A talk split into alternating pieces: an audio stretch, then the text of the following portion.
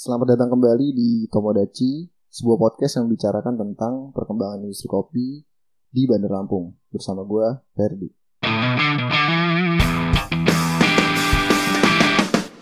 Bicara soal roastery, kita tahu beberapa tahun belakangan di Bandar Lampung, khususnya, itu perkembangannya cukup pesat. Ada beberapa teman-teman yang eh, memulai bisnisnya dari kedai eh, beranjak menuju roastery. Dan di tahun 2020 ini berdasarkan data sih udah udah ada lumayan beberapa.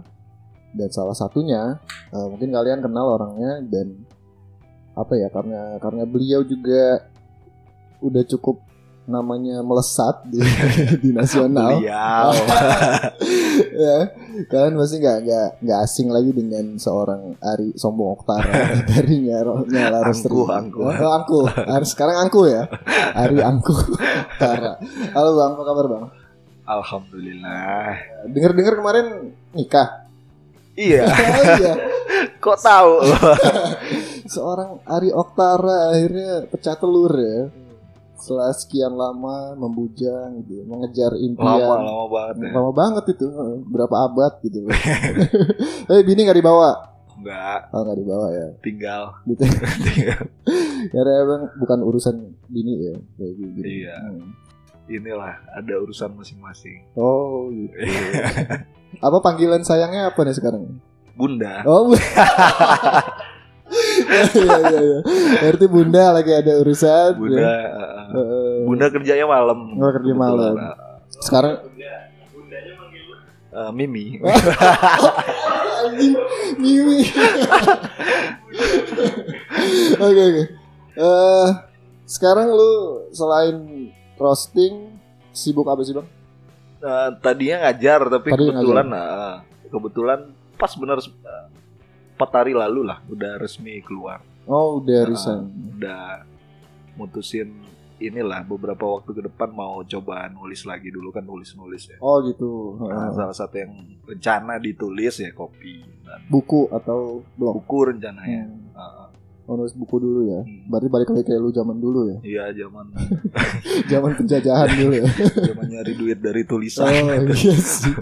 Berarti yang kenapa sih tapi lu kok berhenti ngajar?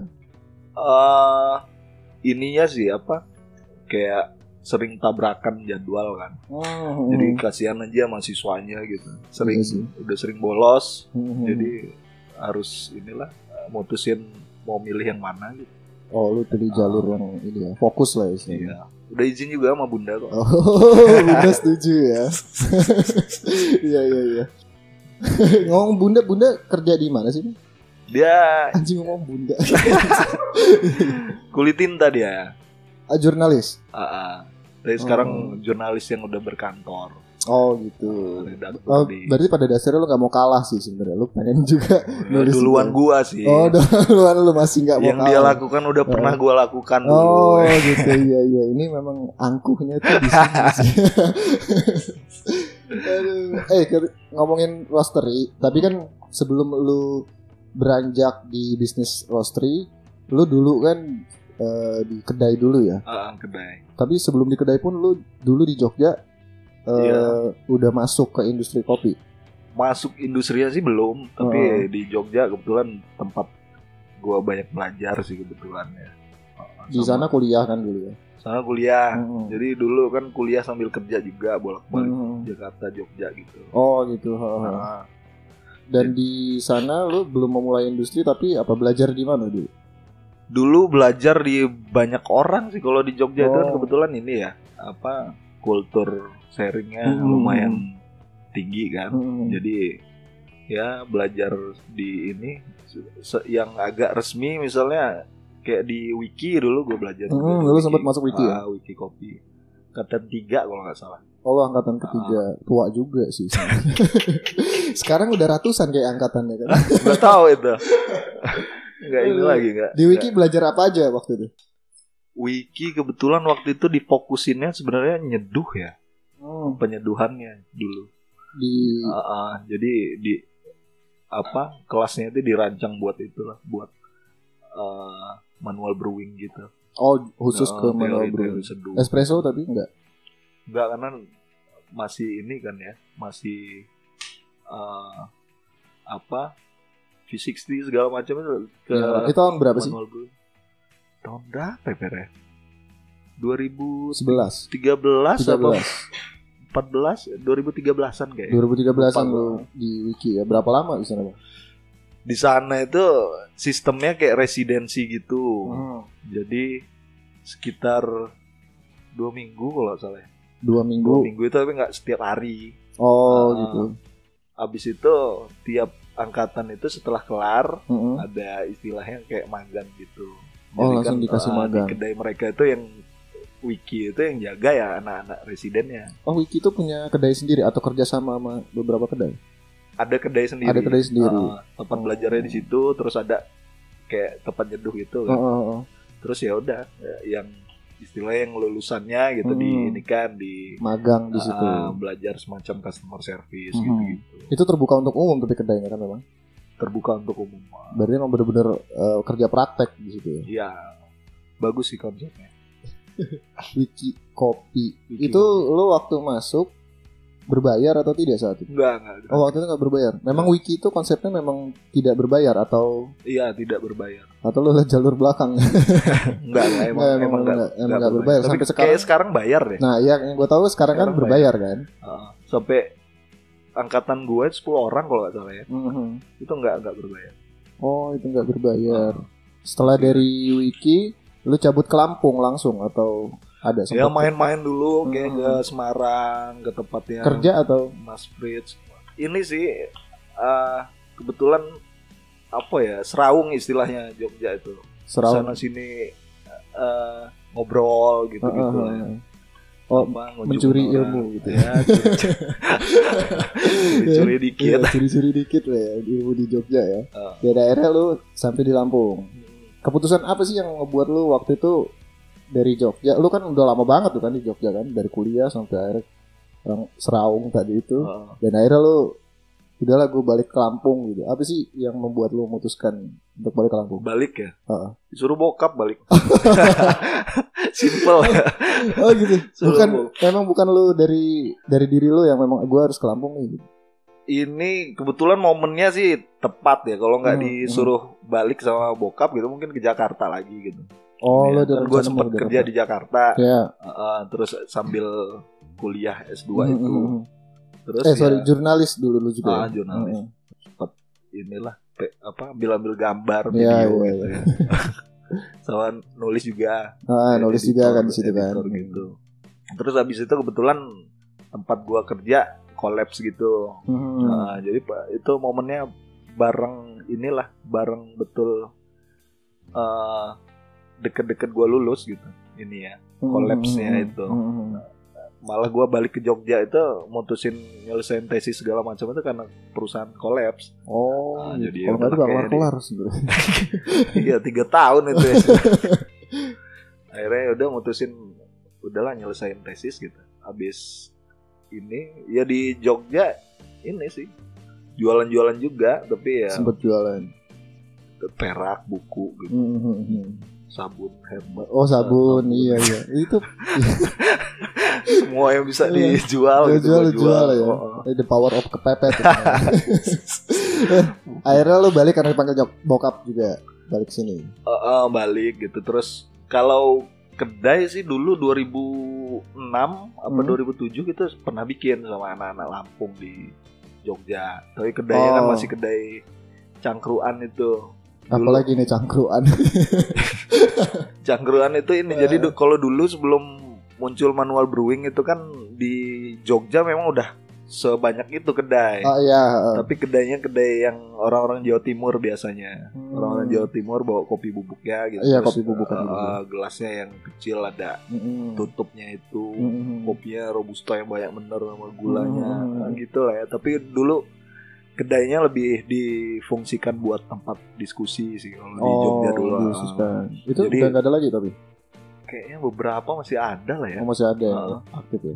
kayak di deket-deket ini tuh deket-deket Mandal Krida gitu-gitu masih Ah, ah, ada beberapa yang kayak gitu Masih banyak yang buka. kok- tapi kalau dulu rame yang begitu yang kedai-kedai cangkruan lah istilahnya Hmm. nongkrong kalau di Jawa Timur itu lo ke Jawa Timur itu pasti ada kedai-kedai kopi Hmm. yang datang orang-orang pakai sarung terus Mm-mm. ngopi Oh anak nongkrong zaman itu lah ya. Iya, sampai sekarang masih. Oh, sekarang masih Nah, ada.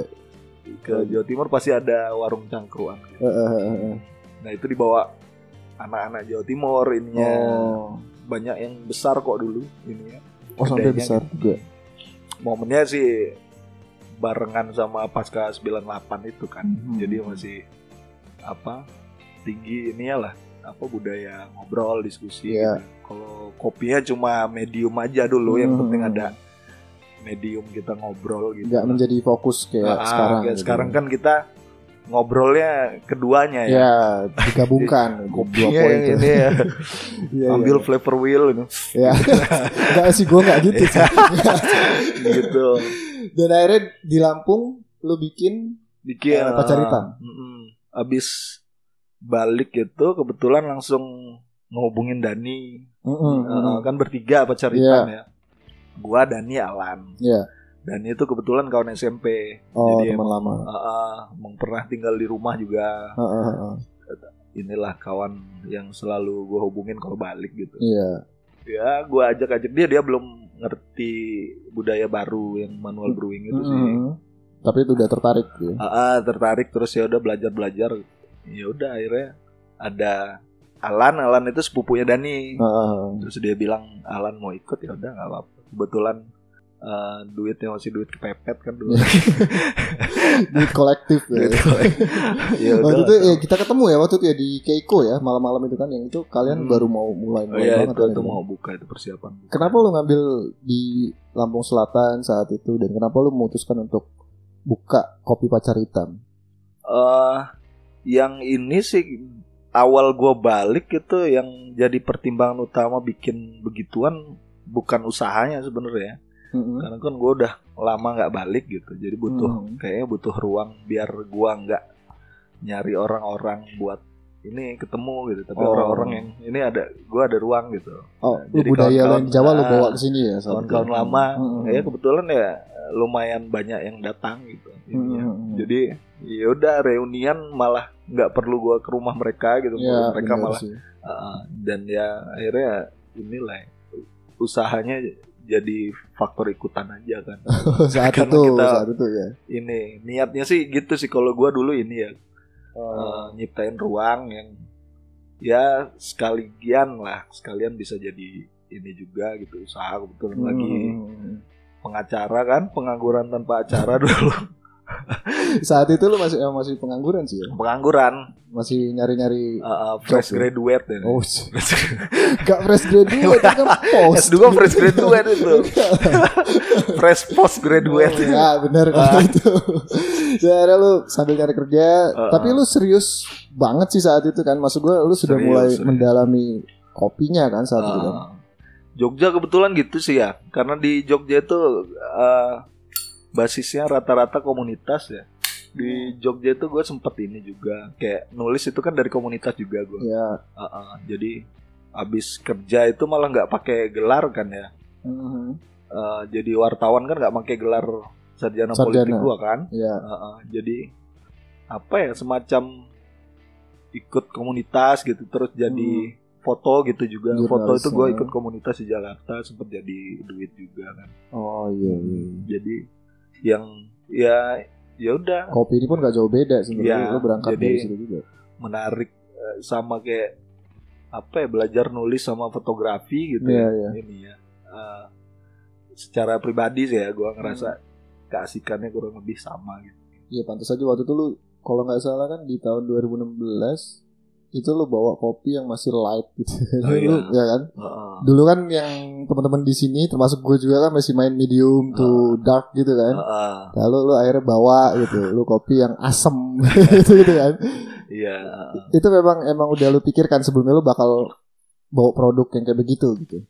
Ya karena eh, emang ini ya karena pas itu kedai yang gua buat 2006 2007an itu kan bawa Ya. dari Lampung tuh. Ya, Jadi heeh. ngerti lah produk di Lampung yang Mm-mm. gitu.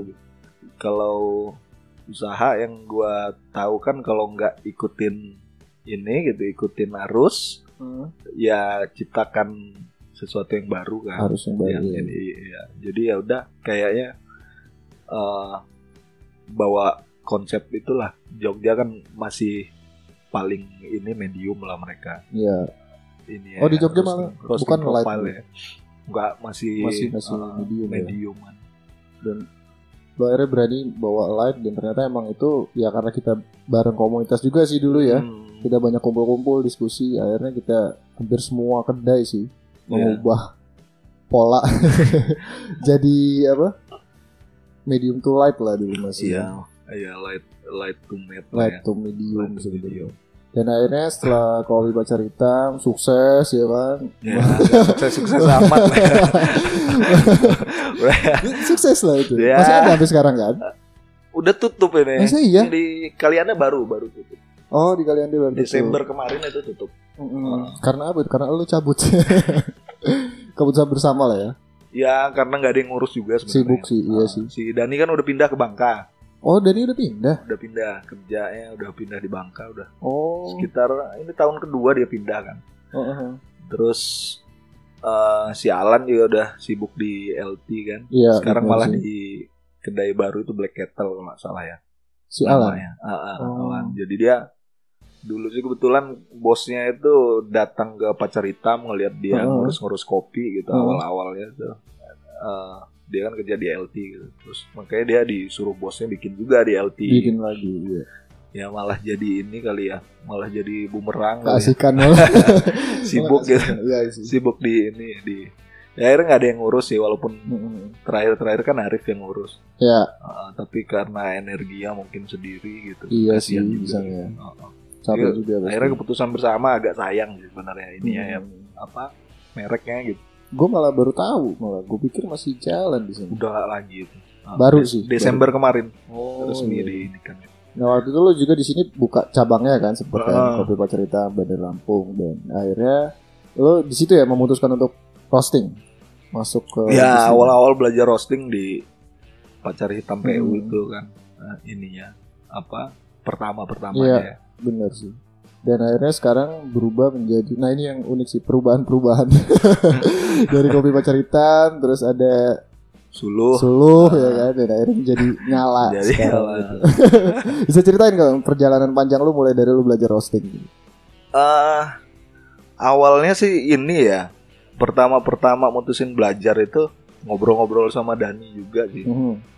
Dulu karena ini sih simple alasannya karena ini yang sering kami ambil beberapa roastery gitu ya, atau usah Hmm. sebut nama lah ya. ya ya Agak nggak konsisten gitu kadang. oh iya Eh, kadang oke, kadang enggak gitu. Iya. Terus ya udah kayaknya mikir-mikir nyoba-nyoba belajar ini ya. Kebetulan eh ada inilah ada beberapa bahan bacaan dari kawan Mhm. dulu ya. Eh, Jadi udah gua baca-baca terus kebetulan kan yang kurang prakteknya kan. Mhm. ya udah akhirnya eh mutusin kayak mana kalau nyangrai sendiri gitu. sendiri Ya, kebetulan dulu belum ada duitnya buat beli mesin buat beli mesin Nah, tapi ya, nggak tahu sih se- selama bikin usaha kopi ini banyak kebetulan-kebetulannya sih jadi pas mau ini mau ngerencanain beli mesin waktu itu dapat telepon dari inilah dari kawan lama gitu Heeh. ngurus survei. Uh, jadi gua beberapa kali itu kan ngurusin survei kayak survei politik gitu-gitu. Heeh. Dia akhirnya duit dari survei dari itu situlah buat, beli kumpulin uh, buat beli beli mesin. Terus yang paling memungkinkan kan dulu beli William itu ya William Hmm. satu kilo itu tanpa cooling bin itu.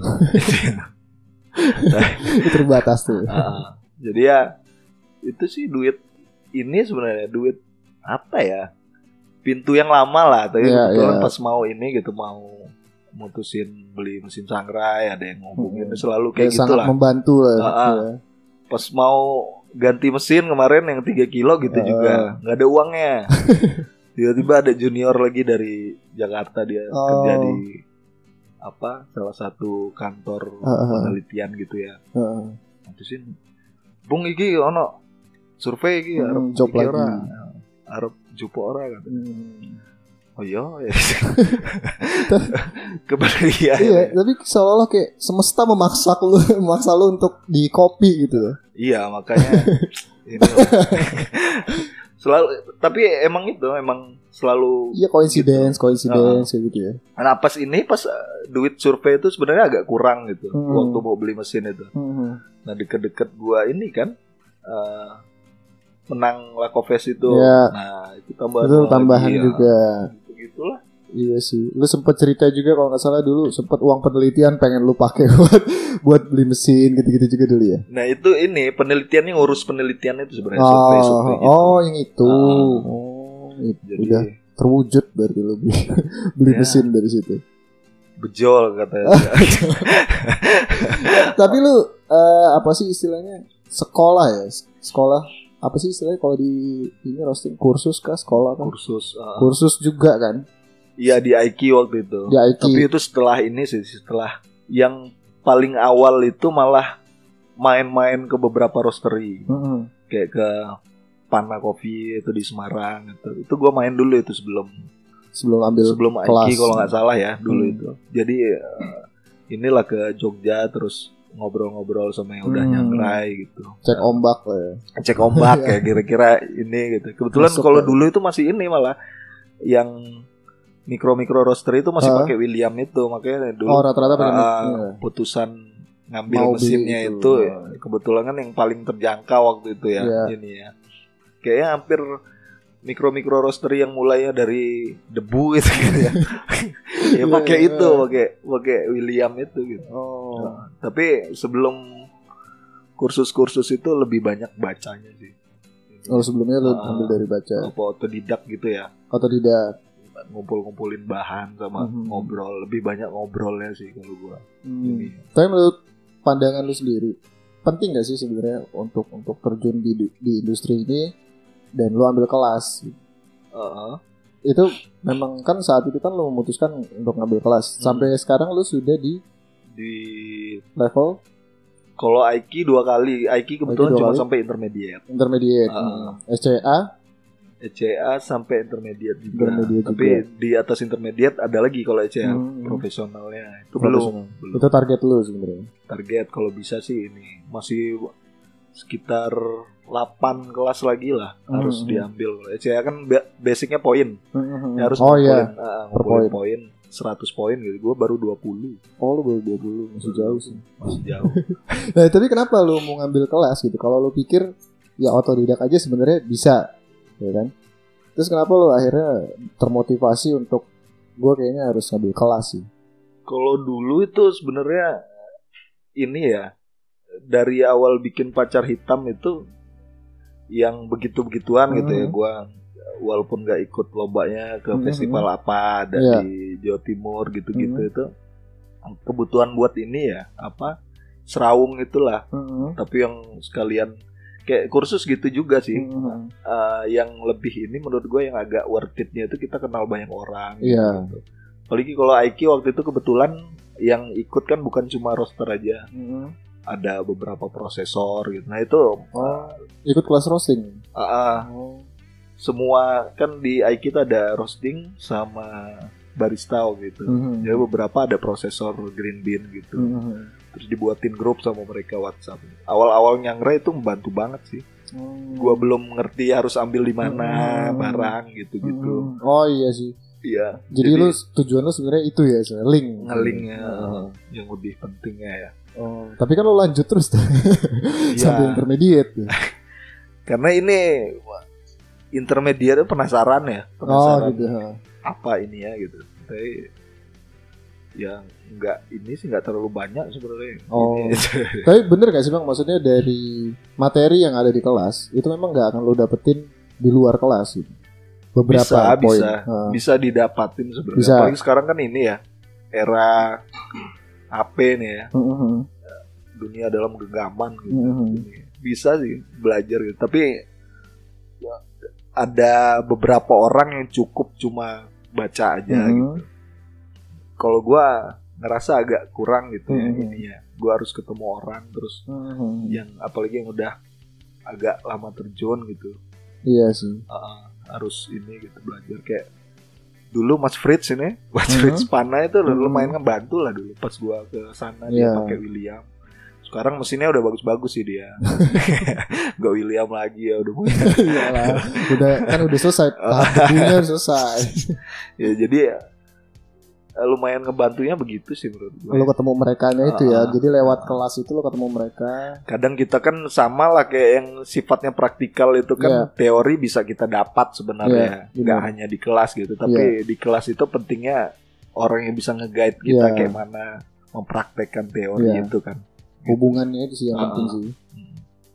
Sebenarnya kan ada orang yang beranggapan kalau kelas itu kayak nggak penting, terus kelas itu Ah. penting gitu. Kayak gitu-gitu tuh menurut lo secara lu personal sebenarnya kalau dia punya budget penting nggak sih sebenarnya? kalau apa ya di industri kopi ini sekarang kan ini Fer kalau eh, dipelajarin sebenarnya ya, Hmm. yang kelas itu eh, pertama gitu kebutuhannya orang yang sebenarnya udah tahu ini ya gitu teorinya Ya. tapi dia belum pernah praktek misalnya Hmm. Kebingungan setelah praktek ternyata kok Hmm. nggak semudah apa yang diteorikan Iya. gitu gitu kan itu harus lah Iya. harus ambil kelas gitu terus ada yang di kelas itu di industri kopi sekarang kan sama aja dia rezimnya Hmm. rezim sama kayak industri lain sertifikasi gitu Oh, sih. kayak ECA itu kan itu sebenarnya rezim sertifikasinya tuh ini Hmm. jadi setelah 100 poin itu kita bisa eh, tes ini jadi trainernya. Setelah trainer kita secara resmi bisa ngeluarin sertifikat ECA gitu-gitulah Iya, ininya. itu Kalau oh, berarti bisa- tergantung ah, target sih sebenarnya. tergantung secara personal mau Iya. diarahin ke mana Maunya ke mana ininya gitu, ngambil orientasinya ya. Iya. Dan akhirnya lu sudah menyelesaikan apa aja sih ini lu gelar lu ini banyak sih. IQ intermediate, SCA intermediate itu ya. Iya ECA aja sekarang. Tapi emang Oh, diniat- SCA aja. Ah, ECA diniatin sih mau. Kan lu tapi ada job juga IQ kalau nggak salah kan yang lu sempat ke Lampung Barat. Terus di, oh di ini kalau Aiki di Ulu Belu. ya, oh di Ulu Belu. ha, ha. Itu itu dari kelas juga kan lu dapat yang lain Dari itu. Aiki ya. Iya kan dari IQ-nya ya. Itu kelas apa sih waktu itu? eh kalau yang kelas di Ulu Belu itu kebetulan disuruh ngelola wanita tani gitu. Mhm. Jadi wanita tani itu semacam kelompok binaannya Aiki lah. Mhm. Tapi kan mereka nggak punya orang lokal sini. Mhm. Jadi kebetulan ya karena kenalnya gua kali. Iya, ya di Lampung lu gitu ya. ah, Disuruh gua yang ngelola gitu. Oh. Jadi tiap itu sih cuma tiap sebulan sekali. Jadi sebulan sekali gua kayak Februari ini Mhm. nanti akhir bulan gitu. Oh, continue ya? Berarti? Hah? Continue. Continue. Ada kontrak atau enggak tadi? Iya, sampai Maret kontrak gua. Oh, kontrak lu sampai sampai Maret Maret. ini. Habis itu nggak tahu lah ini. Tapi mungkin Menurut ada job, job lain, mungkin kita nggak tahu kan. ya mudah-mudahan. Tapi sebenarnya ya itu kan yang lu bilang link tadi itu kan. Ah, Eh, apa hasilnya itu yang kayak Iya. begini gitu kan. Ah. Bisa jadi nanti lu bisa membiayai target lu yang lu pengen pro pro itu tadi kan. iya, Karena dari yang ah, seperti ini kan dibayar itu kan. dibayar dibayar. Dibayar itu ya. Ya inilah nggak bayar memang kan Aiki tapi misalkan dulu gua nggak pernah ikut kelas itu nggak kenal orang-orang Iya. Aiki ya gitu mungkin gua nggak diminta tolong nggak kan. dipertimbangkan nah, untuk, untuk ini ya. Dan akhirnya lu ah, ini sih ada yang menarik sih sebenarnya. Soal lomba. Ah, kan dari gue sih nggak tahu ya kalau gue ngeliat lu dulu kayaknya kan lu eh, bukan anti sih ya tapi kayak eh, say no dulu gitu kan di waktu di kedai-kedai ah, lo kan eh, tidak tidak ikut tidak aktif banget gitu ikut lomba nasional gitu gitu kan pas lo jadi barista dulu jadi brewer nah kalau di roasting ini lu mulai eh, muncul gitu semangat untuk ikut lomba dan lain-lain Eh, itu apa sih yang memotivasi lo bang nyeduh sebenarnya dari awal ikut-ikut juga sih ikut-ikut Ah, oh iya lu aeropress sih Aeropress iya. gitu-gitu ikut Heeh. lah ininya. Tapi kebutuhannya tetap itu sih. Oh tapi kalau di nyeduh lu nggak dapet Oh iya. Cupu. Cibu dan air lu sadar lu di roasting sih. iya. Kayak rezekinya di roasting gitu. lu, lu menang yang pertama apa sih gelar lu sirok ya? Apa Sirok. sirok itu berapa? Peringkat Yang yang awal malah dapat satu nah yang Dapet- 2018 ya. 2018. 2018 Sirok lu pertama. Akhir ah, Akhirnya lu ikut IRC juga kan? IRC Indonesia Roasting Competition dan itu lu dapat posisi tiga tiga di. IRC Oh bukan dua. bukan kemarin kayaknya dua. Kemarin ya sirok, Oh. sirok yang kedua, eh sirok yang ketiga gue dapet juara dua. Oh gitu. Ah. Jadi yang lu kata lu apa? Pindah posisi doang itu si Rock ya, Sirok bukan gitu. ya. Bukan. Oh iya iya. Di RC baru sekali kan dapet. Heeh. Berarti tahun depan lu pengen tahun ini ada ya? Tahun ini ada Tahun ini si Rock lu pengen ketiga nih. satu lah. Kirain gua mau beli satu, dua, tiga. Kalau udah tuh ya. Lengkap deh pialanya di lu semua gitu. Tiga tahun. Dan itu memang dampaknya apa sih bang menurut lu bang dari lu ikut-ikut hal seperti itu? Dampaknya itu tetap ini sih link itu lah. Ini dia. Jadi oh lu masih Ah. memfokuskan di link. awal-awal ikut kebetulan malah langsung yang sirok itu. Iya, si Rock. tapi nggak menang ya juara Mhm. nggak juara malah Mm-mm. 10 besar ya. Pe- penutup ini penutup 10 besar Mhm. posisi 10 tapi kebutuhannya waktu itu mem- memang itu sih Eh, baru gitu nyangrai belum kenal banyak yang nyangrai Mm. gitu gitu kalau lomba itu kan pasti ini ya Mhm. pasti orang yang nyangrai lah nggak mungkin ini Iya. gitu ya nggak mungkin bukan penyangrai Iya. Nekat gitu ikut Main-main ikut sang lomba Iya, iya. sangrai gitu ya itu akhirnya gue kenal banyak, banyak, banget. orang dari Hmm. ya nggak cuma Pulau Jawa aja Iya. Kalimantan gua kenal gitu-gitu Nusa Tenggara gitu-gitu Masih Ikut membangun komunikasi dengan mereka sampai sekarang. masih masih kan ada Hmm. grupnya malah Oh. Heeh. jadi alumni alumni lomba itu ada grupnya Oh di sendiri. setiap lomba itu ada al- Heeh, ada ini ada grupnya gitu Iya iya iya. jadi ya gitu yang dari Nusa Tenggara misalnya Hmm. ya dia ada bins dari Hmm. sana gitu Oh iya Ah. bener sih. Jadi kalau yang paling bagus ya sebenarnya datang gitu kan Iya. ke kebun. Tapi kan energi sama Iya bener. duit sama waktu kan Iya. nggak cukup kan. Jadi ya gunanya ya itulah. Mana lu masih jadi dosen kemarin-kemarin kan? Iya. Ya, waktunya sih ya. Dan akhirnya lu dapat informasi dengan lebih mudah sebenarnya dari eh, lomba-lomba itu ya. Iya. Tapi sebenarnya lu menargetkan menang nggak sih? Harus lah. Oh harus. Kirain gue karena lu ngincerling doang, udah gue ikut-ikut aja gitu. Tapi ini sih kalau menurut gua secara pribadi sih harus ditargetin menang. Hmm. Tapi menang itu dianggap bonus saja lah. Ini ya. Oh, oh, oh. Ada kawan-kawan beberapa itu walaupun nggak pernah menang gitu tetap konsisten ikut gitu Hmm. ini ya walaupun keluar banyak duit banyak waktu Hmm. habis gitu tapi ya lomba itu kan salah satu inilah salah satu yang Investasi sebenarnya. ya yang paling penting malah menurut gua ini ya cara kita buat sebelum lomba itu kan pasti berlatih tuh. Iya benar. Nah, kalau kita berlatih itu kan pasti self improvement kan Iya. Belajar segala ya, macam, iya. belajar segala macam itu kan Mm-mm. apalagi lombanya misalkan ininya apa standarnya tinggi gitu Iya. kita belajar kayak mana caranya buat menuhin standar itu Iya. walaupun nggak menang secara otomatis kan Secara lu jadi personal udah lu jadi improve gitu. lebih bagus gitu Iya. kan itu otomatis lah ini makanya yang paling penting ikut lomba ya itu sih Proses pembelajaran. proses belajarnya itu lah kalau menang ya alhamdulillah gitu. Menang, tapi menang. nggak menang nggak menang pulang-pulang kan dengan ini lah pengalaman. dengan ya kita yang lebih baik gitu Iya. ini ya Tapi memang sebelum lu dapet si rock eh, tempat pertama lu memang sebelumnya sempat kalah-kalah dulu juga kan ya? enam kali kalah enam kali di mana aja? lu kalau nggak salah sampai Banyuwangi ya? Bondowoso Oh, itu. Bondowoso. ah. Itu Eh, ujung banget. ya si Rock sekali kalah Hmm, hmm. terus IRC kalah PRC kalah.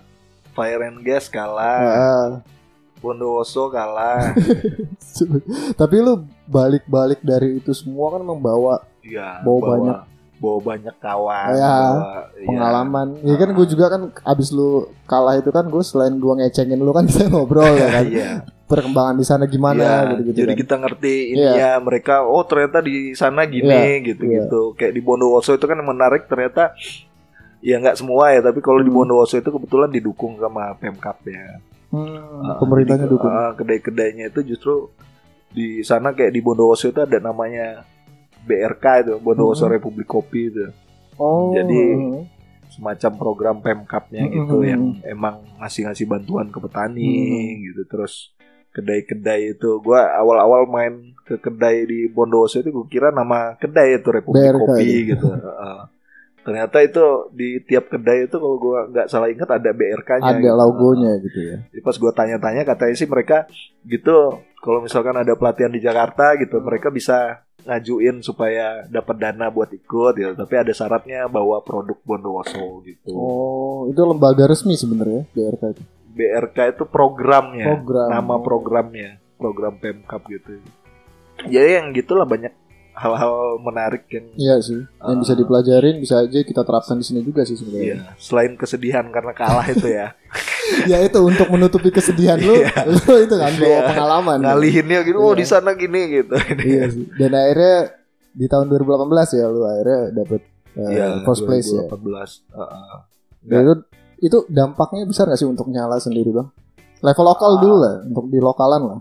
lumayan sih ya Fer. Untuk ya. secara spesifik penjualan dan lain-lain Iya. kan meningkat pasti. lumayan ningkat setelah menang Oh. lomba itu lumayan ningkat sih ada ada efeknya lah ya Iya benar sih. tapi memang ini sih kalau efek lomba itu di Indonesia rata-rata yang menangnya yang usahain gimana setelah menang itu ngaruh ke personal entah itu kedai entah itu Hmm. roastery entah inilah Mm-mm. karena setelah ini setelah lomba kan dilepas-lepas gitu aja sih nggak ada Oh. ini gitu ya Kalau job selain eh kalau job gitu ada nggak lu dapet ya dari dari lomba gitu? dari lomba ya Iya kayak misalkan lu dihubungin sama panitia ya, si Rock dulu terus Oh, nggak, nggak ada. nggak ada apa tuh nggak ada tapi beberapa ini sih ya kalau bisa dibilang rejeki lah ya Mhm. setelah lomba itu ada ini sih abis lomba itu kebetulan ada ini yang sekarang kerjasama sama gua bikin kelas di Palembang itu oh heeh. Ah, itu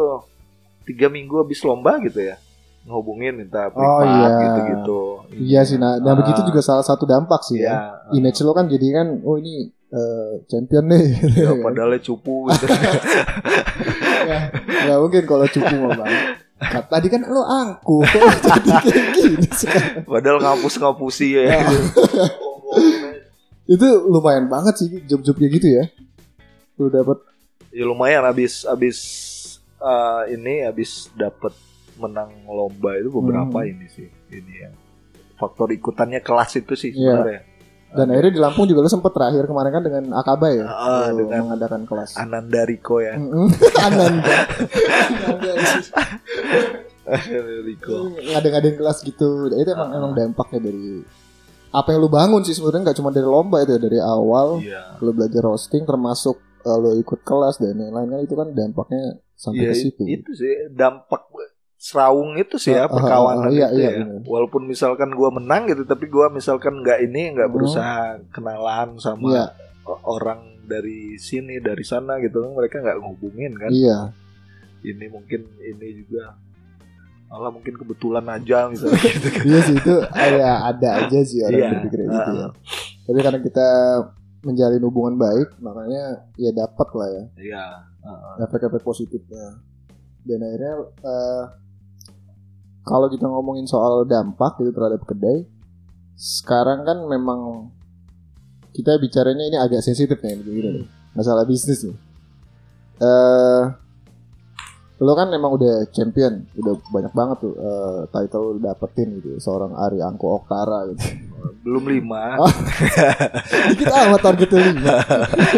Jadi kan lu bergerak eh, tidak bisa dipungkiri lu memang memfokuskan pada eh, kopi-kopi specialty bener gak sih ah, kutip. setelah belajar Mhm. standarnya kayak agak serem ya ini ya, ya. nyebut spesial tiga lah Eh. grade grade satu lah Grade satu. Ya, wave lah, diusahain bagus gitu third wave lah tapi masuk Iya, ya, third masuk wave. pergerakan third wave dan kita kan memang ya di Lampung juga termasuk banyak banget penggeraknya gitu ya yang, Hmm. yang ke arah third wave gitu tapi kan sekarang kita bisnis kalau kita bicara bisnis eh, produk-produknya tidak lagi eh, mengarah kepada produk-produk third wave kan. Karena kan pasar kan sekarang apa ya apa sih sebutannya kalau bukan third wave gitu ya? Apa? Fourth wave. Iya kopi kopi Gelombang susuan keempat begitu. Eh, Masa ya gelombang empat enggak lah itu? Enggak. Kopi-kopi susuan begitu ya kan. Nah itu eh di nyala roastery sendiri Hmm. kena nggak gelombang yang seperti itu gitu? secara dampak bisnis ya Ya, maksudnya finansialnya. oh ya dapat sih memang sekarang malah Hmm. ini yang banyak pesenannya dari situ malah. Lu Dari- mengikuti perkembangan pasar. Ya, kalau ini sih kalau ngelihat secara usaha ya gua kan ini provide nyediain ini ya, nyediain bahan baku Beans, gitu. ya. Nah, jadi karena sekarang ya lebih banyak bisnis yang fokusnya di produk yang itu Ya. ya, ya mau nggak mau suka nggak suka gitu Karena ini lo dulu pengusaha sebenarnya lo Iya, juga menyediakan ya. Gua kan nyediain bahan baku Iya. ya ini. Tapi menurut lo sendiri itu mengkhianati perjuangan gue lo yang dari awal udah ngebawa third wave tadi ya kan Hmm. ke Lampung terus lo juga mengikuti kompetisi dan akhirnya lo menang lo dapet dapet image seorang Hmm. Ari Oktara champion roasting gitu kan. Dan apakah itu mengganggu gitu Mbak? Maksudnya Hmm. apa yang lo lakukan saat ini di bisnis lo apakah itu mengganggu? eh sampai sekarang paling enggak kan ini ya produk-produk yang untuk Mhm. begitu Hmm, yang wave maksudnya ya. Mhm. Yang wave kan masih gua sediain sampai sekarang. masih ada. Dan ya keasikannya sampai sekarang ya kayak sekarang lagi ini kan asik belajar artisan gitu-gitu ya. ah, ah. Yang nyediain ini beans-beans eh, pilihan dari beberapa daerah gitu-gitu. Ini sampai sekarang sih masih ini masih masih ada ini ya gitu ada produknya. Ah, ah. Tapi eh karena gua industrinya industri tengah kan ya. Hmm, Roastery kan ada industri hilir yang lebih hilir kedai. Iya. Ya, kebetulan mungkin kedai ininya ya, kedai yang fokus di nyediain produk begitunya mulai sedikit kali ya.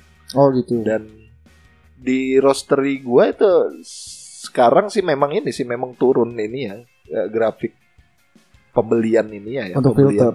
beans filter itu Hmm. emang turun sih.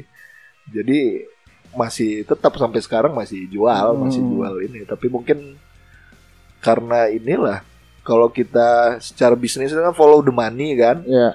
uang besarnya kan sekarang untuk ngembangin uh, bisnis ini uh, es kopi susunya gitu. Hmm, Kalau dilawan juga nggak mungkin kan? Ya Ini benar nggak mungkin. Karena beberapa merek di Jakarta itu dapat ratusan miliar gitu kan Hmm, untuk ngembangin bener-bener. ini ya kan ngembangin gerai-gerai gitu. Hmm.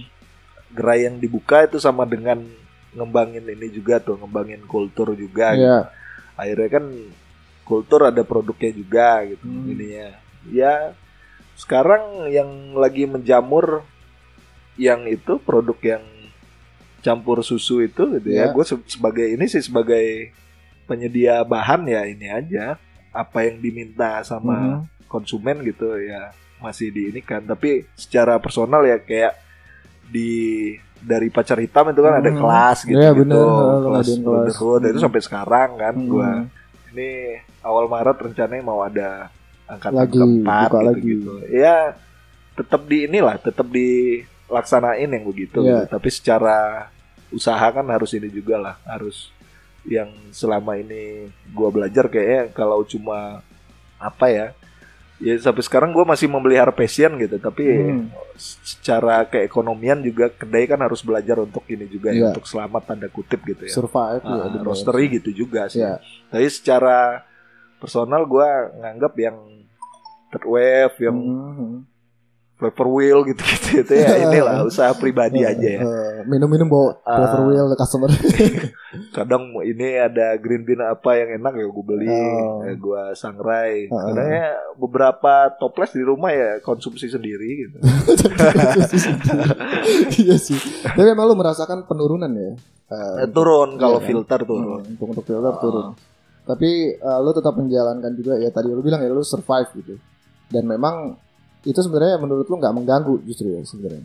enggak lah Enggak ya? kayak ininya ya kayak ini kan ini ya bicara tentang jumlah aja Iya. sebenarnya kalau dibandingkan ya grafiknya turun itu ada shifting aja gue lihat Hmm. kayak sekarang ini yang beli terus dia statusnya apa home brewer itu Iya. ningkat malah Oh, yang home brewer malah Ah, meningkat. malah ningkat itu jadi Oh. yang beli ini gitu beli filter bukan kedai itu malah Oh, ningkat oh. kedai memang turun. turun ya tapi faktornya gua nggak ngerti ini ya gua belum gua lihat juga bisa Hmm. jadi karena ini juga karena beberapa kedai kan sekarang udah punya mesin juga bisa jadi berhenti beli malah mereka sangrai sendiri terus produk. Ya, Nah, sih. gua nggak Ada hal yang kan itu juga ini- faktornya. ini ya. Inilah apa eh, belum gua lihat sih. Jangan-jangan turunnya gara-gara mereka ini tuh udah provide produk sendiri bukan karena kulturnya turun gitu. ya. Hmm. Tapi kalau di roastery sendiri eh, yang orang rumahan gitu Hmm. terus lebih ini malah lebih variatif profesinya gitu. Hmm. Banyak polisi sekarang beli Ya, Heeh, bener bener. beli untuk V60-an gitu Di gitu rumah. orang-orang kantoran banyak Iya, iya, iya. sekarang gitu. Jadi mungkin shifting aja malah ini ya. Iya beralih sih eh, dia. Beralih ya. Di kedai memang karena itu kedai juga kan harus mikirkan secara Iya. ekonomi juga ya, Iya. keekonomiannya. Ternyata Hmm. yang lagi selling sekarang yang itu campur-campur susu Iya, gitu-gitu ya. Secara keekonomian mau nggak mau kan suka nggak suka harus ini kan, Iya. karena harus lihat grafik penjualan juga kan. Iya, nggak boleh egois juga sih Ah, tapi ternyata home brewer ningkat kok. ini iya ya. sih kalau itu. Paling nggak dari ini ya dari roastery Itu gua. gue gitu. ngerasain juga sih bang. Jadi kayak Ah. ya gue di kedai juga ngelihat customer reguler berkurang, gitu. Ah. drastis berkurang ya. Dan setelah kita ngobrol lagi sama mereka, ternyata mereka ada yang beli mesin di Oh, rumah, Iya. ada yang beli alat gitu-gitu. Tapi emang nggak bisa dipungkiri sih, Ah, karena kan perkembangannya memang menuju ke arah sana gitu. tapi sampai sekarang kayak di Bandung itu ya, Ya, ada yang namanya eh, daily routine misalnya. ah. yang ya produknya masih ini gitu masih manual brewing kan Mhm. Di Jogja kan ada pepeng sampai sekarang Iya benar. ya kan klinik kopi gitu ke daerah-daerah ya di Palembang ya ada juga gitu yang Ah. fokusnya memang di gitu tuh manual brewing Iya, kan iya. di 60 segala macam masih selling aja tuh Masih jualan juga. jadi mungkin bertahan. ada yang tetap bertahan ya Mhm. mungkin konsumennya tetap akhirnya pindah ke dia dia jadi ramai lebih Iya. ramai gitu ya bisa Iya. jadi gitu juga kan yang Iya. lain ngelihat ininya apa kok yang naik yang es kopi susu Iya. gitu, terus ikut meramaikan Iya. gitu secara otomatis kan kalau ngelihat dari sisi usaha kan ini juga sih ngaruh juga ke Iya. kedai satu ini ya turun eh, pembeliannya pindah, gitu Heeh. Iya tapi sih. ternyata konsumennya cuma pindah aja mungkin ya Iya bisa jadi. karena di beberapa jadi. daerah rame loh beberapa kedai yang fokusnya cuma di Mhm. manual brewing gitu Mhm. Mas malah tambah rame mereka ya. tambah rame gitu kayak gua ke daily routine terakhir Ah. ke Bandung itu ya gitu juga tuh apa ramai nyantai gitu ya Mhm. jadi dua rombongan datang terus satu rombongan pergi satu rombongan datang lagi Oh, gitu heeh. Jadi, itu filter semua ya, filteran Iya. Heeh. masih Emang- ada penikmatnya kok sampai sekarang Iya sih, apalagi di Bandung kan ada ngopi pagi gitu-gitu ya. Hmm. Itu budayanya masih kebentuk gue lihat sampai sekarang. masih. Iya. Luar biasa juga sih. Nah, kalau ngomong-ngomong soal pergerakan ini kita ke arah arah fourth wave sih. Menurut lu sendiri nih, lu yang udah cukup lama berada di bisnis ini, ini kira-kira gambaran ke depannya bakal ke mana nih ini ya ya Eh, arahnya gitu. arahnya ya Heeh. kayaknya kalau ini kalau secara produk ya Heeh. kalau ngelihat aliran uangnya gitu ya sampai lima tahunan masih tetap Hmm. inilah produk yang sama gitu ininya. Oh, heeh. Eh, kalau gue lihat ya dengan improvisasi-improvisasi lah pasti. ya. eh, pasti ini ya tapi eh, nah kompetisi tadi itu Aha. inilah ngejaga yang third wave ya gue rasa Kulturnya tetap dijaga. di kulturnya kan salah satunya dari kompetisi itu Iya, ininya ya iya, tetap terjaganya Kebentuknya di gitu situ. ya. Heeh, orang ini gitu. Di Lampung kan mungkin agak ininya agak nurunnya karena itu juga misalkan kompetisi lokalnya nggak Kegiatan ada yang- gitu ya. Hmm, kegiatan yang kurang. Heeh, kalau Bandung itu ada BBRC kompetisi benar. lokalnya gitu. Iya, heeh. Terus di Jogja kan ada juga tuh Jogja apa tuh? iya. Jog Jogja Brewing Banyak Cup banget juga ya. Bo- Heeh. Wonosobo ada. Wonosobo gitu-gitu. Banyak banget sih. Jadi mungkin salah satu ininya ya gitulah agak turun karena Kita, yang melihara kulturnya salah Iya. satunya kompetisi jarang misalnya Hmm. gitu ini ya. kita merasa di sini kayaknya apa? Ada istilah kalau apa sudah menurun drastis padahal mungkin kitanya yang tidak mengembangkan Iya. yang tidak mempertahankan budayanya sih ya. Karena di Padang ini lagi ada event ini sebenarnya event kopi si Rimbun itu kan Oh, Rimbun Coffee itu kayak gue ngeliat ya memang itu sih bener kata lo tadi sih mungkin karena kitanya juga gitu yang yang aktivitas kita nggak nggak nggak banyak gitu yang Iya. menjaga kultur itu tadi sebenarnya dan kalau ini sih baca buku-buku kopi yang ini yang cerita tentang sejarah itu ya kalau kita belajar kan kopi ini produknya udah ratusan tahun kan bener ini ya ya cuma ini aja bergeser aja tapi produk Iya. kopinya tetap ini lah tetap eh, diperdagangkan gitu tetap Iya. eksis gitu cuma cuma ini aja shiftingnya aja Hmm. kayak gue cerita di Jogja dulu seraung ini ya yang ini ya yang cangkruan gitu Iya, gitu iya. kan dulu ya semua orang bikin cangkru Ya, ini ya baru setelah itu ini beralih. kultur lagi. barista gitu Ya. ya yang pertama itu bukan manual brewing dulu kan Latte-lattean ya, gitu. eh, Ya. latte tiba-tiba mahasiswa jadi barista gitu, Ah, gitu. ah, ah, dulu ah. kan ini sih eh, mulai berkembangnya kan karena gitu kalau di 2014 Jogja lah itu ya dulu ya. ya eh, 2010-an 2010-an malah ya, 2010-an. udah mulai ya. kalau kafe-kafe itu ya Ah, di ini kan ada Keiko juga kalau di Jogja tuh Hmm. Keiko gitu. Jadi ya mahasiswa part time gitu-gitu Ah. kan tiba-tiba ya ada profesi baru yang Iya. namanya barista. Dulu itu barista jadi ini loh, profesi sangat baru dulu di Jawa sana ya. di Jawa sana gitu. Ya cuma ini aja lah shifting aja gue lihat. Iya sih bener. Ya kita kan kalau kita baca, gue nggak tahu itu penelitian apa bukan sih wave itu, third wave, gelombang-gelombang gitu. Itu Uh-uh. sebuah penelitian kan. Jadi kan memang kan bergeser tuh dari first wave, second wave, gitu, Uh-uh. third wave. Memang pada dasarnya nggak mungkin itu-itu aja kan. Iya. Sampai ke jenis produknya nggak mungkin dong begitu-gitu aja gitu. Uh. Kayak ya, kalau gue baca sekarang beberapa artikel yang penggerak-penggerak third wave yang raksasanya lah ya di Eropa di di Amerika mereka kan menekankan oh nggak di Amerika di Eropa kayak tim Wendelbu Hmm. mereka kan menekankan eh, pada sustainability Hmm. jadi mereka alahnya ke hulu gitu-gitu ya itu adalah mereka sih ngeklaim bahwa itu adalah gerakan gelombang keempatnya gitu di Hmm. sana gitu. sedangkan Hmm. di Amerika itu Amerika dan Australia itu berbanding terbalik Hmm. kayak Stumptown terus ada di Australia itu ap- kemarin apa ya yang bikin produk malah mereka untuk retail Hmm. jadi kayak kopi dijadiin instan Ya. yang benar-benar diekstrak terus dikeringkan divakum dan akhirnya dijadikan jualan di di mart gitu Ah. Walmart dan lain- sampai Stumptown juga ada gitu Blue. Bottle Stumptown itu kan raksasanya raksasa Ah. third wave tuh Cuma mereka bikin yang seperti itu nah menurut sendiri di nggak usah Indonesia lah ya maksudnya Lampung gitu lah arahnya itu menurut lu bakal ke mana sih ngikutnya gitu kira-kira ya Indonesia lah di Indonesia ini ya. Ah, ah, ah. kalau lu lihat nih pergerakannya sekarang Ya mungkin kalau ini ya secara produk itu lima tahunnya masih inilah masih tetap itulah to uang drink. besarnya ke situ lah ya. Ininya. Kalau yang third wave itu kan kebetulan emang yang dijual tanda kutip ya ininya ya eh, kasihkan personalnya itu ya kayak nyari-nyari bener apa nggak ada orange ya gitu. iya iya iya, iya. sama kan- iden- identitasnya sebenarnya yang dijual yang ini kan ini juga ya Ya, gua ngelihat kan ini juga yang agak apa kalah itu konsepnya ya kalau Hmm. manual brewingan itu kan konsepnya ya Mm-mm. kedai-kedai yang ini kalau lo lihat itu konsepnya bagus-bagus loh kedai mana tuh kedai-kedai yang bukan manual brewing ya Oh iya benar. Ya, konsepnya itu bagus-bagus Iya mereka benar. ya. Serius banget kalau mereka. serius gitu terus ada kultur yang disisipkan juga misalkan Hmm. ada acara yang ya itu bukan jualan sebenarnya tapi dari acara itu orang-orang kumpul besok-besok akhirnya jadi konsumen gitu gitu Hmm. itu kan nggak dilakukan sebenarnya sama Iya sih. Kebanyakan kita manual nggak iya. ya. makanya ngeluh turun tapi kok nggak ada yang Itu tadi aktivitasnya kita nggak gerakin gitu kan. Iya sih. kayak kompetisi lokal aja sampai sekarang Lampung nggak ada itu. Ya iya sih.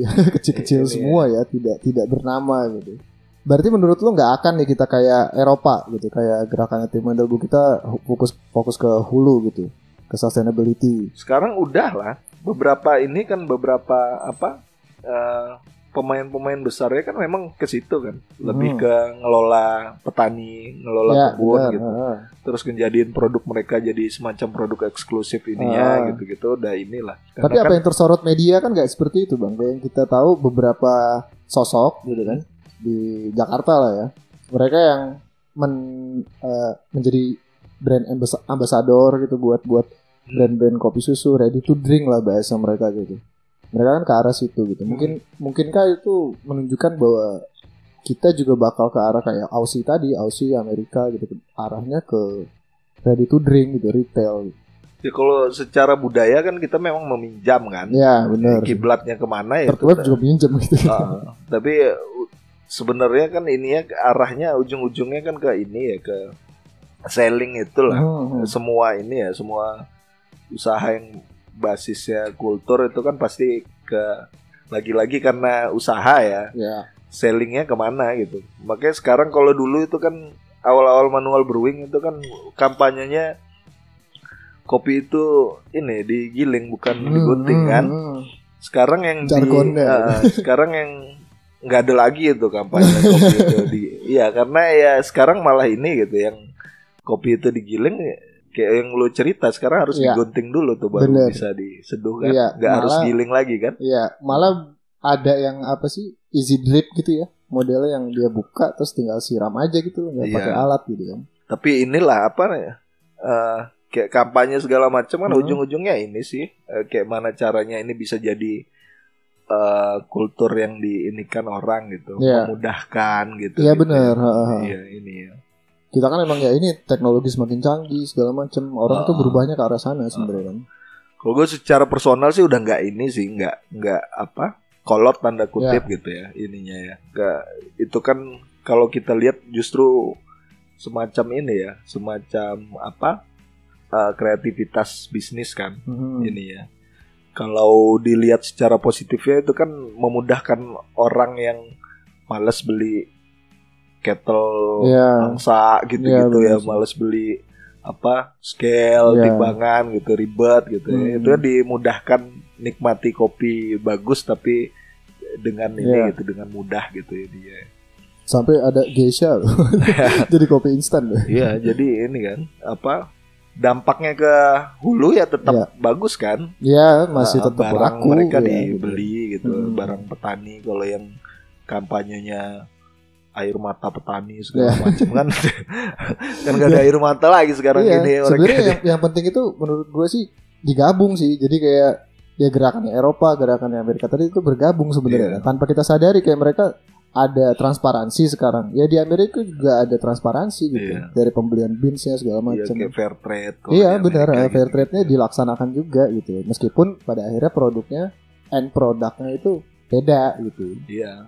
Ya kalau lu belajar kayak lu bilang di Eropa, tim Hmm. Edelboy itu kan dari Nordic gitu Iya, ya, benar. dari Skandinavia itu. Hmm. Nordic itu ajangnya tahunan itu. Ah, ah. Ada Nordic roster itu Ah, ya. forum Nordic ya. roster forum, Ah, ah. NRF gitu-gitu itu tahunan. Iya, Kalau kita belajar dari mereka itu sebenarnya ada itu tuh, ada usahanya lah. Mm-mm. Usahanya kayak mana kalau misalkan mau bersikeras di produk yang beginian gitu. Mhm. Ya selling atau tidak kalau kita nganggapnya Mhm. usaha kan selling itu tadi Iya, ya. mm, Ya tetap ada usaha gimana caranya benar. produknya bisa tetap selling Iya. gitu. Jadi kalau di Lampung ini ada yang ini gitu, ada yang protes kok turun segala macam. Yang dilakukan kayak Nordic Roaster Forum misalnya itu Hmm. apa di Iya. Lampung itu kan nggak ada, ada, kan. Ini Ya kayak di ini di di Chili mereka sebulan sekali public cupping gitu, Ah, ah. free gitu untuk itu masyarakat. kan ini ya apa? Strategi mereka gitu. Iya. Hmm.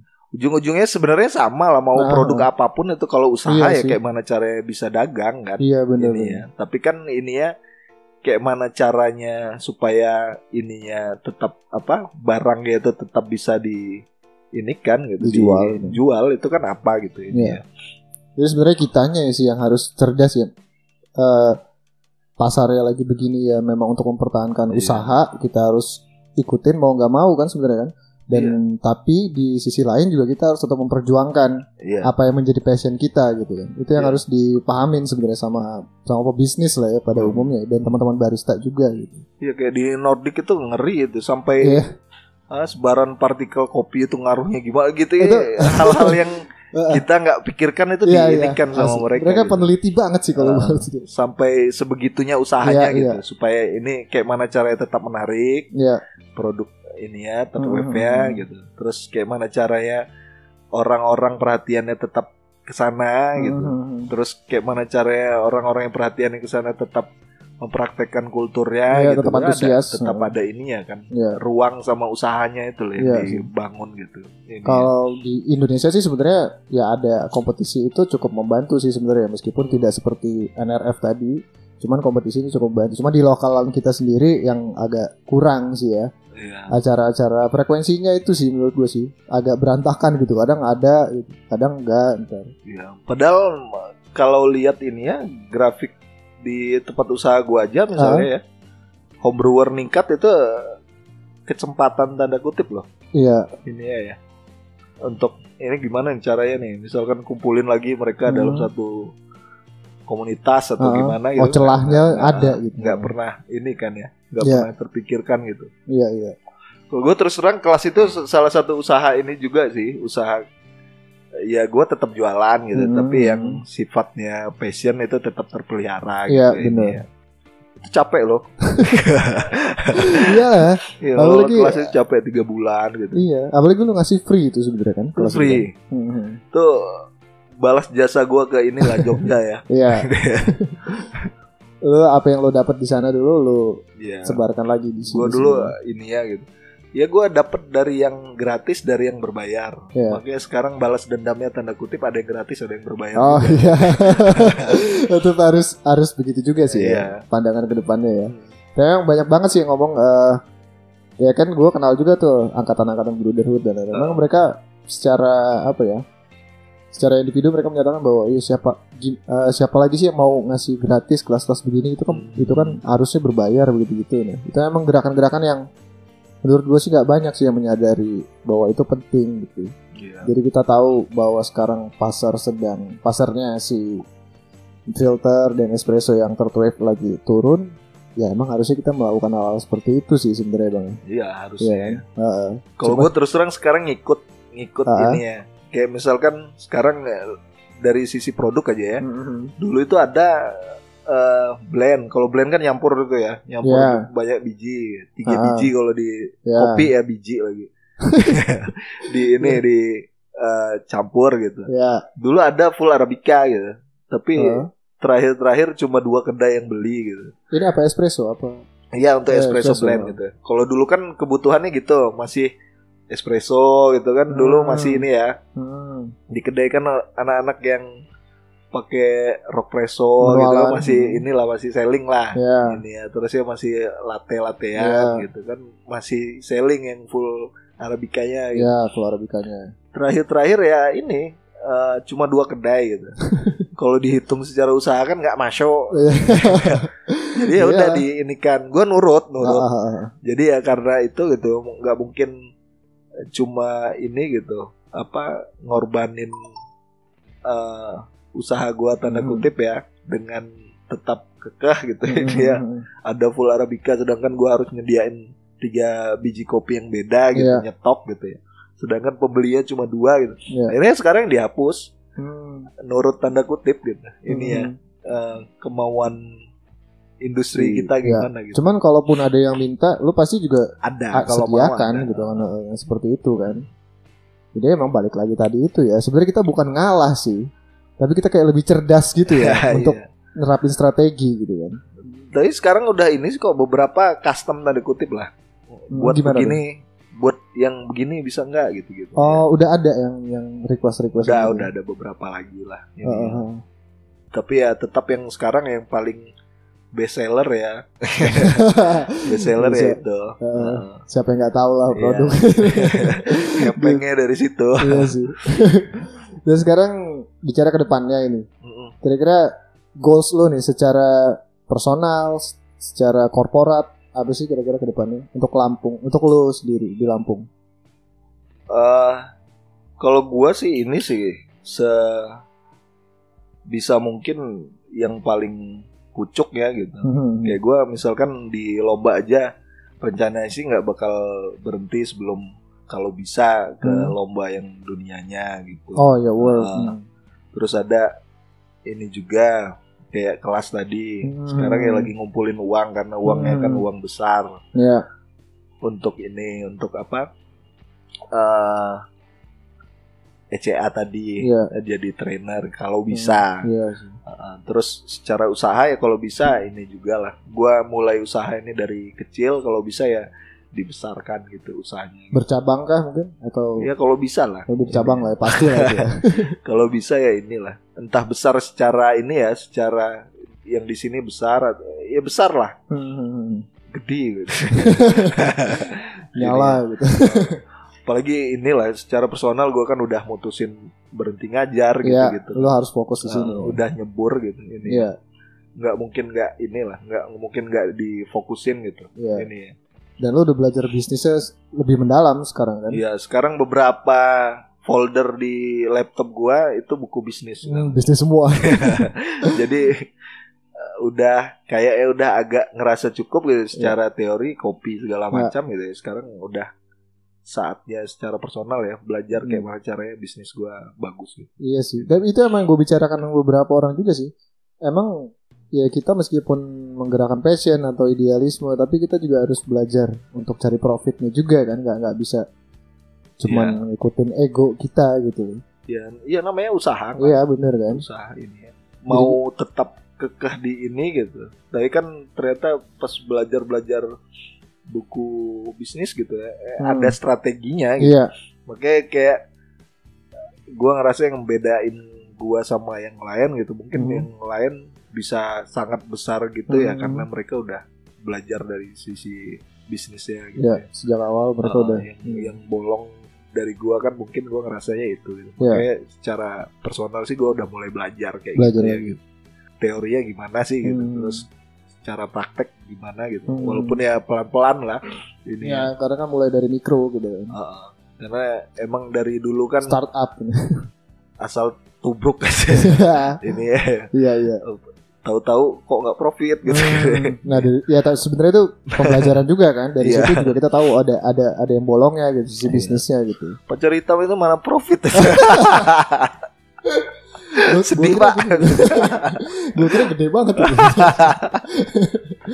Aduh. Aduh. Dan kalau ngomongin tadi lu bilang lu pengen targetin sampai ke eh, dunia deh. Uh-uh. Ya, lombanya. Lu sampai detik ini ada nggak sih? Kan kalau kita lihat teman-teman yang berangkat ke work baik itu di cabang barista atau Hmm. atau brewers roasting juga mereka kan disupport gitu. Hmm. Nah lu sendiri kan image lu yang sudah terbangun sekarang ada nggak sih yang yang nyamperin lu dan eh, ayo Ri gue bantu lu ke belum belum belum belum, Belum sampai ada. sekarang belum ada Ah. seperti itu ya karena kan itu kan biayanya gede banget tuh bang kalau lu mau lu Iya. Ya inilah.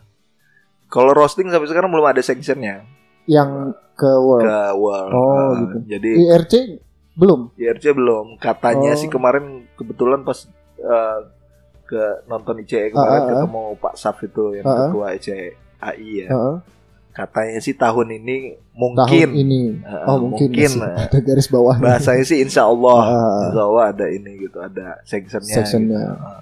Ya diusahakan dulu lah kita yang dapat Iya gitu. eh tapi tahun kemarin yang di mana Hong, Hong Kong eh di mana Tahun kemarin di Cina kalau nggak salah. Iya Cina, Cina, World ya. Roasting itu. Ah. Itu kan ada yang dari Indonesia berangkat apa? Nggak, nggak ada itu. Oh nggak ada ya? Nggak Yang ikut nggak ada ya? Nggak ada. Terus mereka-mereka yang dari Indonesia itu nonton doang apa gimana? Nonton mungkin. Oh, gua kirain mereka soalnya kan status-status mereka tuh yang kayak lagi prepare segala macam gitu-gitu. Enggak, enggak ada. Oh boot kali ya? Mungkin Oh, ya. ha, ha, ha. Jadi Di Indonesia kalau roasting belum. belum ada. masuk ya? Belum Belum ya, ya? Tahun kemarin yang IRC kemarin gue ikut itu katanya sih itu ada orang dari World Coffee Eventnya yang Oh. yang semacam inilah ngelihat sesuai standar apa enggak. Iya. Terus tahun ini diputuskan ada sanctionnya atau enggak Oh, oh, buat oh, oh, Indonesia gitu. Sih mungkin tahun ini ini ya. Dapat ya. Nah, tapi walaupun ini walaupun nggak dapat sanction udah jadi ini sih udah jadi target personal harus ikut gitu ini ya Mm-mm. menang atau kalah gitu Mm-mm. melihat kan biasanya ada standar-standar yang berubah gitu kan gua walaupun belum ada sanction kan harus persiapkan diri kalau ada standar yang berubah terus siap dengan standar itu kan Mm-mm. gitu ya Tapi kalau selain IRC yang lain-lainnya gitu, itu emang nggak ada juga yang dikirim nggak ada nggak ada Sampai detik ini masih belum ada ya dari roasting ya. kayaknya kalau roasting itu IRC itu yang mau IRC usahain itu dapat. yang mau Iya, bakal ada sectionnya RCAI ya. itu ya. Soalnya kan ini juga apa kan bisa disatukan ke ICE juga kan kalau Iya dapet benar. kan. Kan Eh ECAI beberapa juga- negara kayaknya begitu ya. Iya. Mereka menyatukan Emang dengan emang ini ya. gitu satu satu organisasi Iya, gitu benar. yang ngurus gitu. Iya, iya SCA itu ya. ECAI. Oke bang kita kayaknya udah cukup panjang les sebenarnya masih banyak sih yang mau gue tanya-tanya tapi kayaknya terlalu sensitif jadi Gak apa-apa sih. Ini Tapi kita- bahas sama bunda jawabannya. oh iya juga oh lu sekarang apa-apa lu konsultasikan ya nggak angkuh lagi itu itu udah nggak angkuh lagi sekarang eh, ngelihat perkembangannya se- seperti ini industri kopinya lu yang ada di industri tengah yang lu bilang tadi Heeh. lo punya pesan-pesan gak sih buat teman-teman di luar sana? Ya, apa pun profesi mereka yang di tengah atau mungkin di di ujung gitu. Hmm. Lo ada pesan-pesan gak sih buat mereka? apa ya kalau gua nganggep sampai sekarang kan ini ini ya project personal kan ya Iya. pilihan hidup kalau gua Hmm. sekarang udah ini gitu udah eh, ya gua di jadi dosen misalnya kan bisa Hmm. diusahakan secara keekonomian juga, Ya. juga ya kalau Hmm. gua mau gitu Hmm. tapi ya gua milih di kopi sekarang secara personal gue pengen serius gitu Iya. ininya. kalau yang kawan-kawan lain kan nggak nggak tahu ya ini ya Hmm. alasannya gitu tapi gue yakin tiap orang punya inilah alasan masing-masing buat ini ya buat nyeriusin gitu nyeriusin ini gitu Iya. ya kayak yang ini yang kurang menurut gue ya kita ya ininya kali ya apa kawan-kawan yang sebenarnya punya skill Hmm, gitu ya hmm, punya kemampuan gitu Hmm. ya nggak tahu masih ini gitu masih nggak eh, mau nyoba ini coba-coba ikut gitu Event. misalkan event Hmm. gitu ya karena kalau kita lihat sebenarnya di beberapa daerah itu eh, industri kopi mereka itu mulai Iya. maju setelah ada sosoknya gitu Iya. Eh, kayak Hmm. misalkan Palembang yang dekat itu ada Raymond Ali Iya, gitu, benar. gitu kan ya itu secara langsung atau enggak itu Hmm. ngaruh loh ini Iya, benar ya mereka ada yang dibanggakan gitu ya Iya. local pride ya gitu ya Hmm. dibanggakan secara ini terus jadi Hmm. semacam sosok yang oh, gue pengen jadi kayak Raymond Ali misalnya ya. Inspiratif gitu ya. inspiratif gitu ya ya siapa tahu misalnya yang ada skill Ah, ah, skill latenya bagus misalnya ah. ya ikut ilak misalnya gitu gitu ya. Karena kalau gua sih nganggap kayak event nasional itu penting sebenarnya Iya. pertama ya itu walaupun nggak menang ya lu sebelum lomba itu pasti berlatih tuh otomatis Iya. itu. abis kelar lomba itu pasti ada peningkatan ini tuh apa Personal eh, pribadinya. iya, kualitas pribadi Iya. itu pasti ini tuh kalau gua sih itu sih yang kedua ya selain yang apa personal personal tadi ya yang Ha-ha. person-person yang harusnya sih jajal gitu Iya. jajal kemampuan gitu Hmm. di nasional gitu ya. internasional. Nah, ya yang kedua ya mungkin ini eh, saatnya kita mikirin ada event lokal ya gitu ya kalau Hmm, memang hmm. mau ini gitu nyeriusin Tapi yang tarafnya lebih besar daripada yang pernah ada kan. Ah, Ah. kalau mau jujur kan selama ini kita yang besar-besar itu masih ini tuh masih sifatnya eh, proyek pemerintah ya. Ya, ah, Ya, jadi festival-festivalnya kan masih yang eh, dananya dari pemerintah Ya, gitu benar. gitu ya. Ah.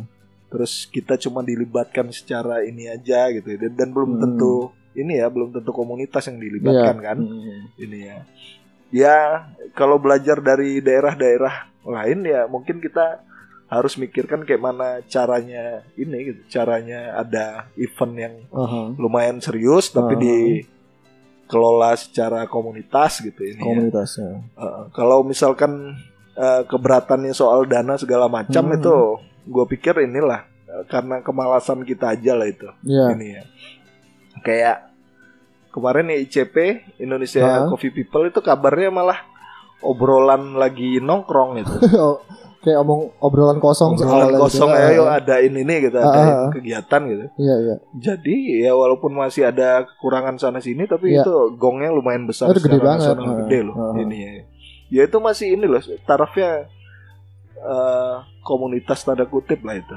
Walaupun Iya. mereka nggak berkomunitas ya, tapi ya Iya. itu masih orang-orang inilah kan, orang-orang komunitas kopi kan yang Iya. ngadain kan Hmm. ini ya. Beberapa Barista Guild orang, nggak salah Hah? itu. Orang-orang barista guild sebagian. beberapa tapi Iya, eh, ah. tapi ya maksudnya ide mereka terlaksana dan ternyata Iya. ngegong gitu ya. Iya, dan Ah. kayaknya itu persiapannya nggak lama itu kayaknya mereka. Iya, Hmm. ini sempit itu. Iya. dan malah nyaingin event satunya kan Iya benar diadain ini di ya lokasi nggak jauh ya lokasinya nggak nggak nggak jauh cuma jauh, 20 kan? menitan Mm-mm. 20 menit di hari yang sama di hari yang sama iya di iya. apa ya kalau dari audiensnya lumayan sama lah ini ya seimbang Antusiasnya lah ya. Antusiasnya besar juga. besar Iya, juga gitu ini ya. Itu ada hampir 90 peserta kalau nggak salah mereka kan? Iya 88 iya. Kalau 88 Banyak banget. iya. Dan mau di ini kan katanya mau disengsenkan juga kan oh iya Eh, komandante kan Komandante ada ada. Eh, ada Ah. komandante championship Ah, ah. kabarnya sih rencananya itu mau disengsenkan juga itu kemarin ada perwakilan gitu dari komandan. belum oh belum kalau tahun ini Ah, belum karena Ah. kan semua lomba internasional harus gitu ah. harus pernah dulu baru Hmm, diajukan hmm, hmm, ini bisa apa enggak gitu Hmm. jadi yang resmi baru ntar di approve sama Iya. yang internasionalnya baru ada hak kan untuk Hmm, ngirim juaranya gitu sama kayak Aeropress segala macam targetnya gitu. sampai ke sana mereka ya iya jadi kabarnya sih tahun depan itu udah bisa dikirim ke Hmm. komandante championshipnya oh tahun depan ini malah katanya mereka usahakan gitu uh, diusahakan gitu tapi kan itu maksudnya apa ya kalau di Lampung ini gua lihat ya ah, ah. secara personal loh ini Ah, ya. ah, ah. Ya, kritiknya gitu aja lah kita udah mulai kekurangan mimpi Iya. Uh, sama udah mimpi kurang terus usaha untuk ngewujudin mimpi apalagi gitu.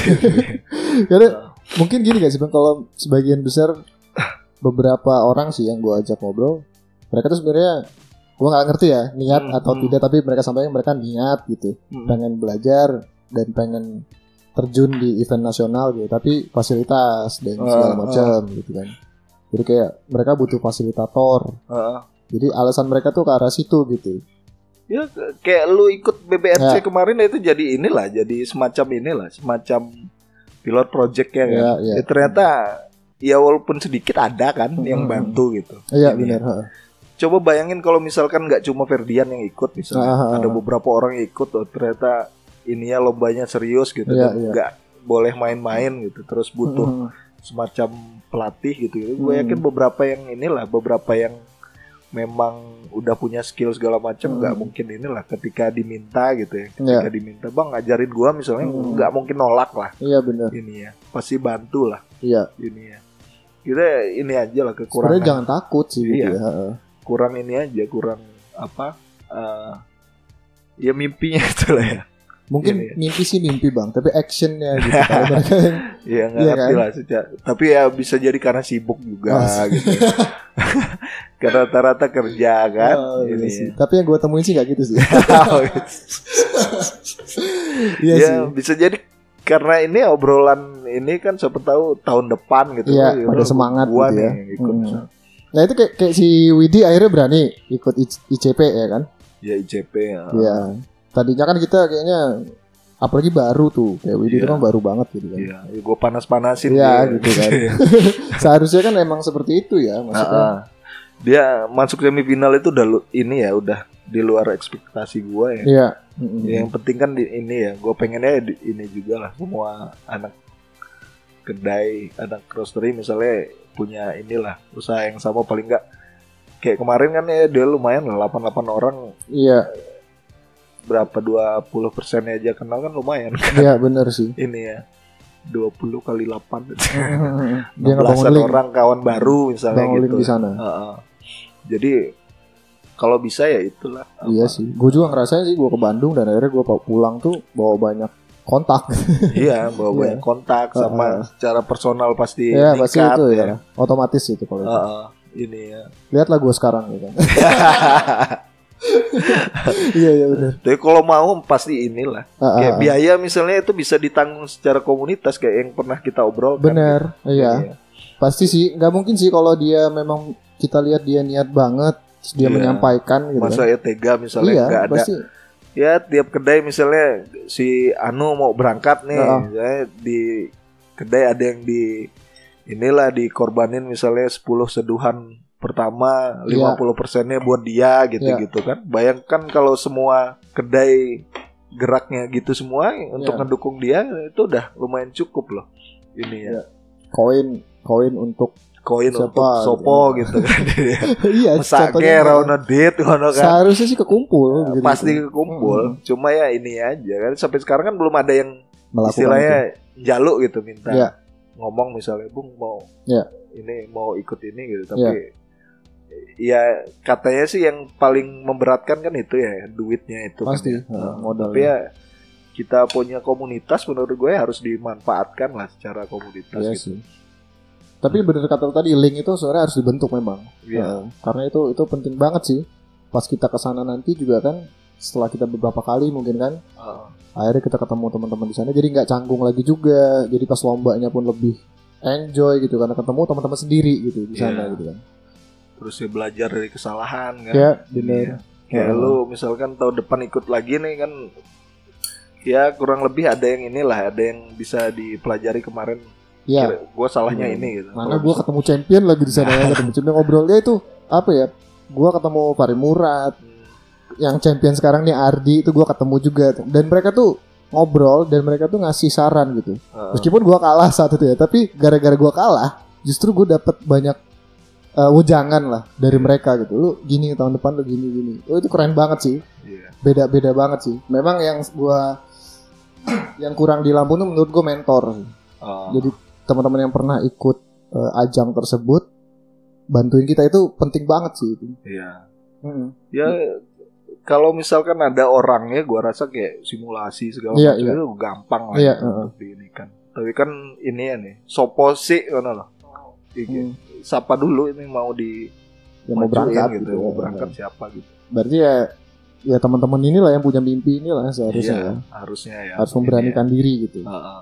tenang aja di sana mah nggak akan sampai kencing di celana sih paling keringetan iya kayak pasti inilah pasti didukung lah iya iya benar jadi harapan lu sih semoga aja kita semakin banyak lah yang muncul lah ya sosok-sosok Iya. itu dan ya mau berhasil mau tidak di di event tersebut tapi paling nggak secara personal mereka udah berkembang gitu kan jadi Iya. di Lampung ini nggak nggak gini-gini aja gitu iya Tapi gue denger sih kayak- kayaknya sih ada sih yang tahun depan bakal ikut ilap gitu. oh ya harus lah harus ikut gitu kayak Ada beberapa. Kayak misalkan ini apa ya susu misalnya itu Hmm. untuk latihan gitu itu bisa loh ini kita ini kan gitu apa bandingan gitu ya secara kolektif. ya.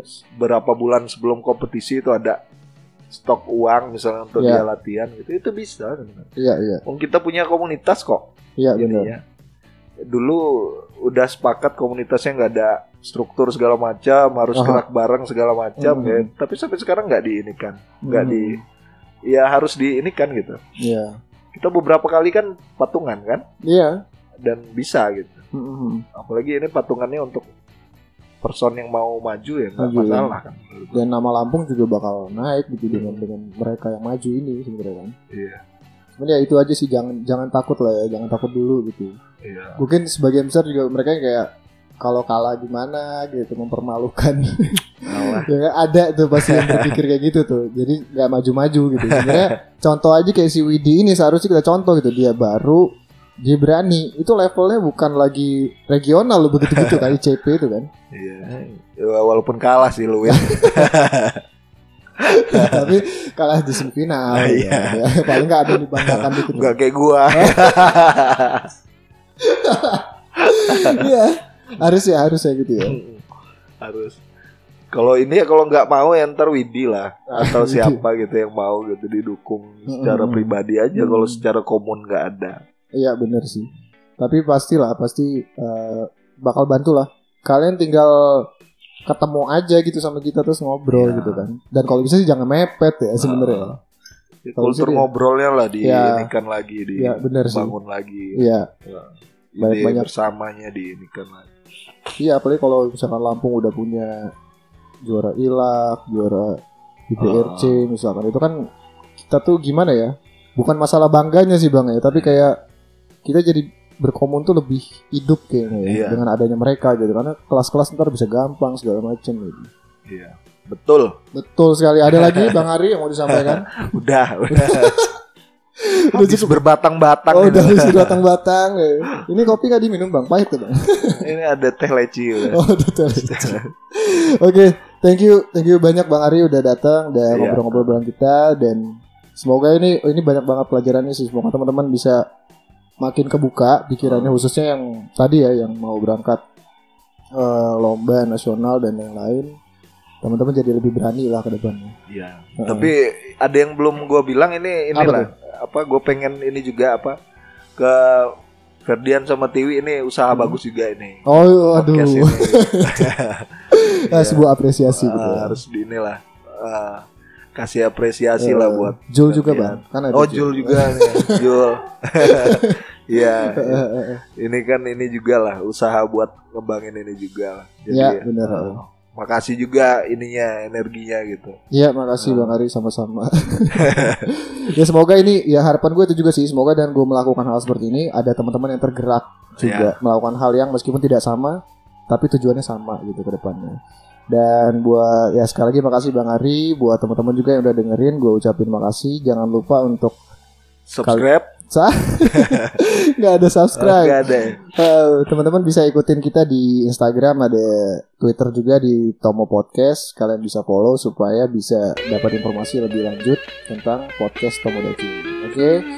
Eh, demikian episode hari ini dan kita bakal ketemu lagi minggu depan